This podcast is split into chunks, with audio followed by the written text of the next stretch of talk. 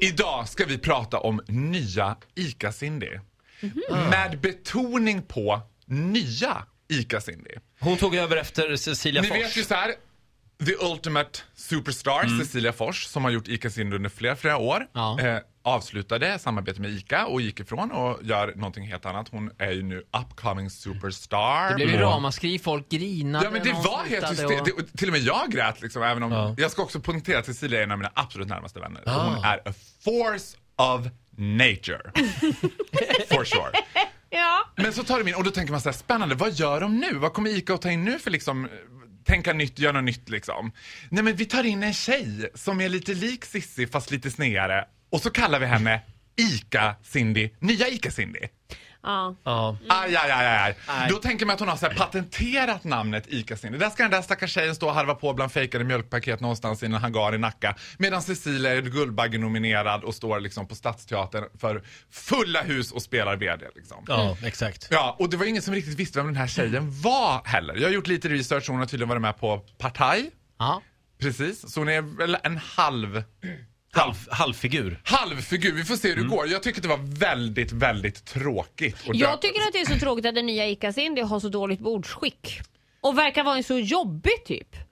Alltså jag Ja. säger, det här är ju inte, det är, det är ju alltså ICA Cindy-figuren vi pratar om nu.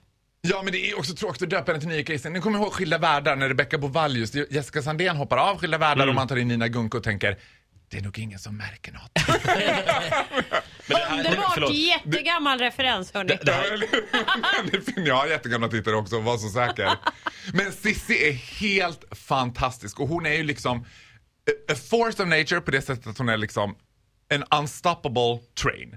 Jag Mm. älskar henne. Jag ska berätta en historia för att förklara det här. För, för mig så är Cecilia liksom den kvinnliga versionen av Karlsson på taket. Eh, och egentligen en bögs värsta mardröm. För man ska inte alliera sig med tjejer som är skitsnygga, framgångsrika och smarta. Nej. Vad hände?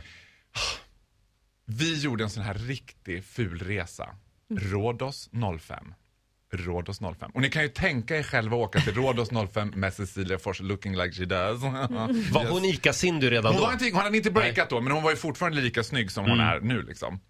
Och Cissi var så, vi skulle sola på stranden och det var ju uppståndelse och folk, du vet, varenda sån där som ska ragga till klubbarna kom ju satt sig med oss. Det Ja. satt liksom som ett harem runt oss av unga killar. Och jag satt och tuggade i luften och bara...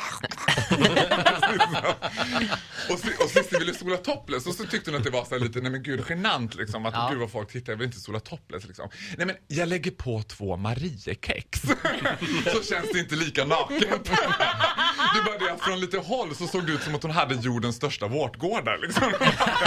Två stora Mariekex och gick under öknamnet Mariekex resten av resan. För sen på kvällarna då lottade jag ut den där Mariekexen på baren. för då visste alla så här, där är hon med Mariekexen. Var, hittade, ni- var fick du tag på Mariekex på Rhodos? Nej men det finns ju allt på rådet. Svenska Ja, så det kaffe finns svenska, Ja, ja. ja, gud ja. Nej, men det var en helt hysterisk resa. Jag fick en kille att tatuera mitt namn på sitt bröst. jag skojar inte. Farao. Jag fick Farao Groth. Och jag bara, men vad ska du säga till din tjej? Alltså jag säger att det är ett grekiskt öl. och då tänker jag så här, någonstans i Sverige går det runt en man med Farao Groth på bröstet. Och den dagen jag står liksom på Friskis och Svettis i Skepplanda eller något och bara, nej men, nej, nej men råd, är det rådet 05? Han bara sa, det, nej det är ett grekiskt öl. Men snälla om du hör det här, ta en bild och hör av. Ja! Ja. Jag tror att han heter Elias. Om han hör det här, ta en bild. Det här är ju Rådet 05, vi pratade tio år sedan alltså. Det mest sjuka är att den är sann den här historien alltså. Den är sann. Ja. Men, det är de flesta av mina historier. Det Och vad fick han? Och vad, vad, fick, vad fick Elias för att han tatuerade in Farao på bröstet? Fick han ligga med Cecilia Fors i alla fall? Han fick inte ligga med Cecilia. Om jag säger så. Just leave it at that. Men han fick vad han ville. Nu har han fru och barn och bor i Skepplanda. Nu har han fru och barn och bor i Skepplanda. Ja, men det är en modig man. Han provar det han är nyfiken på. Det kan vi säga om honom. Rhodos 05, Elias, hör av dig. Ja, välkommen.